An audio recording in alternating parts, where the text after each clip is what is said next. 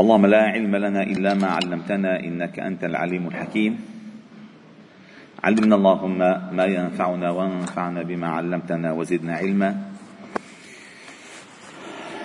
واجعلنا ممن يستمعون القول فيتبعون أحسنه. وأدخلنا برحمتك في عبادك الصالحين. وبعد. فلا نزال معكم أيها الأحباب الكرام في مجالس القرآن ضمن دروس قرآن الفجر. وقد وصلنا إلى قوله تعالى من سورة النساء.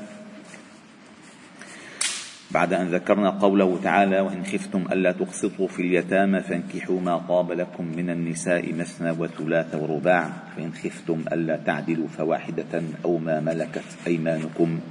ذلك أدنى ألا تعولوا. قال الله تعالى بعدها وآتوا النساء صدقاتهن نحلة. فإن طبن لكم عن شيء منه نفسا فكلوه هنيئا مريئا.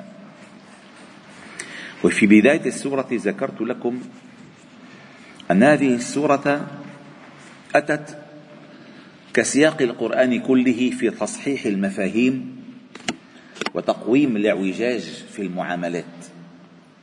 فالقرآن في القرآن بداية يعني مثلا أي أي شيء أي شيء تأخذه أنت. إن لم تقتنع كل الاقتناع. لماذا وضع هذا الشيء؟ لن تستفيد منه. فمثلا إنسان معه حرارة مرتفعة. إيه؟ وجاب ميزان من الصيدلية وبلش يحك فيه راسه. يستفيد؟ أبدا.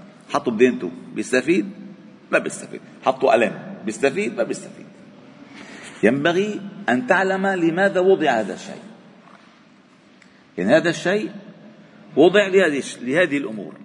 القرآن الكريم وضعه الله تعالى للتقويم للتصحيح للإرشاد للهداية للنور للشفاء. هكذا الله وضعه.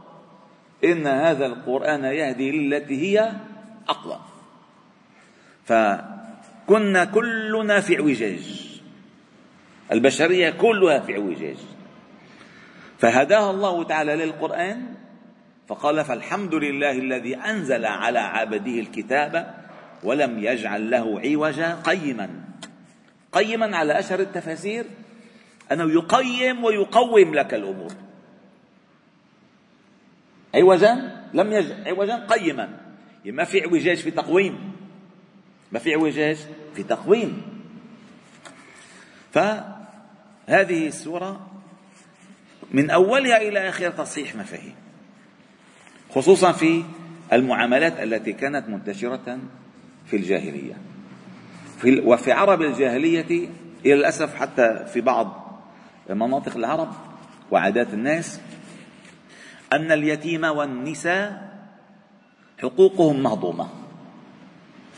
فقال في أول الآية كما تذكرون وآتوا اليتامى أموالهم. هنا قال وآتوا النساء صدقاتهن نحلة. فإذا لليتيم حق وللنساء حقوق. أو لليتامى حقوق وللنساء حقوق. لا ينبغي أن يتلاعب بها أبدا.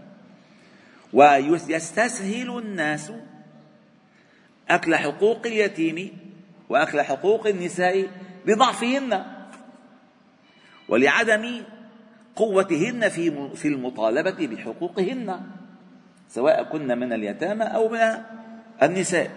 فيستسهل ويل قال الله تعالى أرأيت الذي يكذب بالدين؟ فذلك الذي يدع اليتيم. يتيم مقهور مقهور. يتيمة فلا تقهر. اليتيم عادة مولود في قهر. فبتجي تقهر أكثر. والنساء خلقنا من ضلع وخلق من ضعف. فبالأصل ألا يستضعف النساء فيؤخذ من حقوقهن شيء وألا يستضعف اليتامى فيأخذ من حقوقهم شيء أبدا. فالله تعالى قال في أول الآية وآتوا اليتامى أموالهم وهنا قال وآتوا النساء صدقاتهن.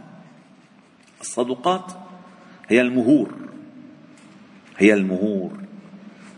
هذه المهور التي فرضها الله تعالى للنساء وفي الشرع وفي وفي الفقه وفي الفقه لا يصح عقد نكاح إلا بمهر لا يصح. عقد نكاح إلا بمهر. وهذا المهر حق خالص للنساء. حق خالص للنساء ليس لأحد أن يتصرف بشيء منه أبدا إلا بإذنها. فهو مالها. العرب ما كانت تعرف المسألة. فكانت العرب عندما يزوجون نساءهن أو عندما تلد البنت وتبدأ بسن البلوغ أي مستعدة للزواج تقول الأب أو تقول الأم للأب أبشر فإن جمالك ستزيد. ليش؟ لأن بيجي مهر فبزيد الجمال على جماله وكأن ليس للنساء شيء. هذا عادة الناس. هون الله تعالى قال وآتوا أمر من الله.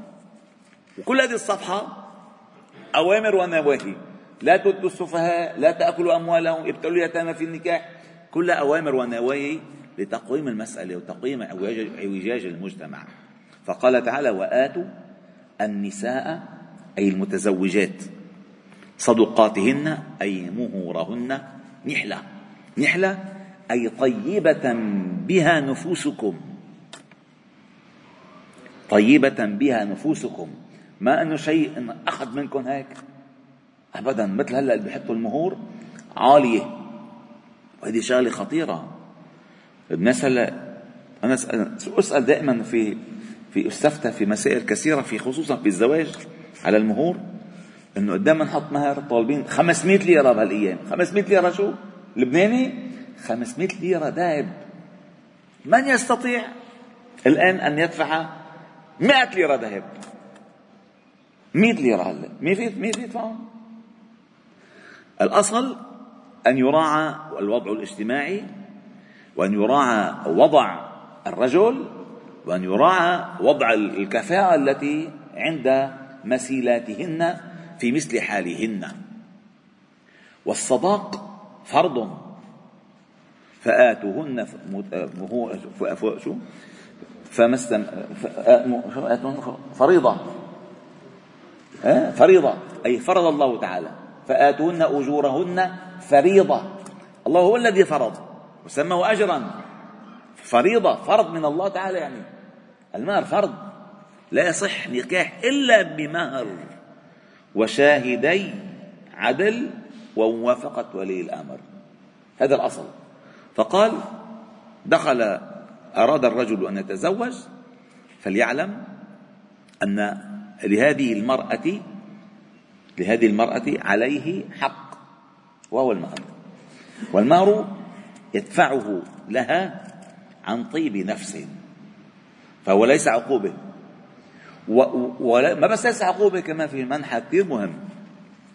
هو ليس أجر زواجه. يعني هو ليس الأجر لزواجها. لا هو حق أن تصبح هذه زوجة وإلا كل شهر بدها تعطي تعطيها ما هي كل شهر عندها خدمات لك ما شهر لها خدمات هذا الزواج أو هذا المهر ليس مقابل أنت أنه هي عم تخدمك ابدا. هذا الزواج أو هذا المهر هو مفتاح علاقتك بها. وإلا فإن نفقتها عليك وإن كانت غنية. امرأة غنية وتزوجها رجل لا تنفق من مالها على نفسها شيئا ابدا بل الواجب على زوجها أن ينفق عليها وأن يذهبها إلى الحج وأن يطعمها ويسقيها ويلبسها ويلبسها ويكسوها ويحفظها ويرعاها من ماله. سبحان الله. المرأة في الإسلام أيها الأحباب الكرام شوفوا الإسلام قد عظيم. منذ أن تولد منذ أن تولد أوجب الله تعالى نفقتها على على غيرها. أنت الآن بتروح تشتغل مظبوط ولا لا؟ تسعى. المرأة أي البنت أي الأنثى منذ أن تلد إلى أن تموت واجب النفقة من غيرها على نفسها وإن كانت وإن كانت مع مال. ينفق عليها. فإن كانت ابنة على الأب. إن مات الأب على الأخ إن مات الأخ والأب على الجد ما في جد على العم على العصبي على من يرث. ثم إن كانت زوجة على الزوج إن كانت أما على الأبناء إن كانت جدة على الأحفاد ما, ما, ما في دفع من مال أبدا. فلذلك هذا حق العرب لا تعرفه. العرب لا تعرفه. فقال تعالى وآتوا النساء صدقاتهن نحلة أي طيبة بها نفوسكم. فإن طبن لكم عن شيء منه نفسا فكلوه هنيئا مريئا. أي معنى الآية؟ فإن طبن نفسا لكم عن منه عن شيء منه يعني نفوسه طابت بعدما علمت المرأة حقها من مهرها بعد ذلك أرادت أن تطيب نفسها في أن تعطيك شيئا أو أن تسقط عنك شيئا أو أن تعفيك عن المال كله فلا حرج أن تأخذ منه شيئا. فإن طبن لكم عن شيء منه نفسا أي طابت نفوسهن أن يعطيكن من مهورهن لكم شيئا فكلوه. هذا حقكم. كما كان حقها فكلوه هنيئا مريئا. والإسلام أيها الأحباب الكرام هو تبادل منافع الأصل أن يكون في رضا في الداخل. أما والله مثلا تزوجها وهو يعلم أنها سترث وكل ما بيقيم بيجي ليلة القدر يقول يا رب عجل بالورثة خفف الورثة من عنده. إنه كل سنة بيشوف النعوات قد سقط الورثة منه وبينطر. هو الزوج اللي من زوجته له حق النصف إذا ما في أولاد. والربع إذا في أولاد. مظبوط ولا لا؟